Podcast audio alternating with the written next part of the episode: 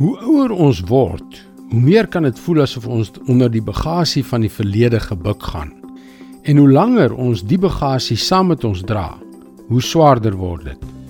Totdat ons op 'n punt kom waar ons net tou opgooi. Hallo, ek is Jockey Gouchee vir Bernie Diamond en welkom weer by Fas.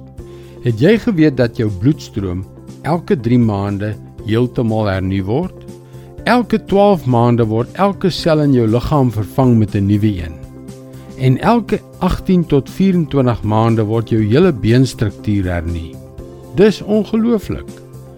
Dit wil voorkom asof God se werkswyse is om voortdurend alles te vernuwe, om die ou te vervang met die nuwe.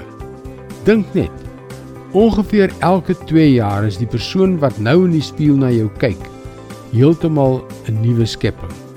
Dit is verstommend dat mense al die moeite doen om beter te lyk en beter te voel. Hulle gebruik selfs operasies daarvoor.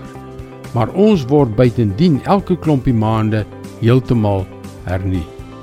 Ja, die liggaam verouder en uiteindelik sterf ons almal.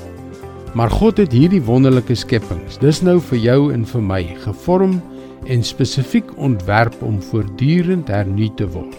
Dis nie slegs jou liggaam nie, maar ook jou siel en gees wat die gawe van vernuwing besit. Die apostel Paulus het dit lank gelede geskryf in 2 Korintiërs 5 vers 17. Iemand wat aan Christus behoort, is 'n nuwe mens.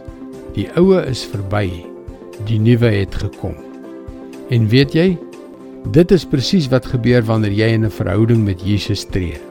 Wat ook al die dinge in jou verlede is waaroor jy spyt is, wat ook al die seer is wat jy saam met jou dra, dit word net so relevant soos die dooie velselle wat elke minuut van die dag van jou liggaam afval.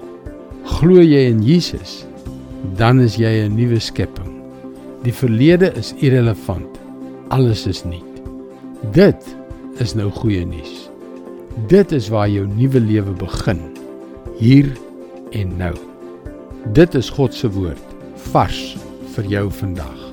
Wonderlik is dit nie? 'n enkele vers wat so geweldige las van jou skouers kan afneem.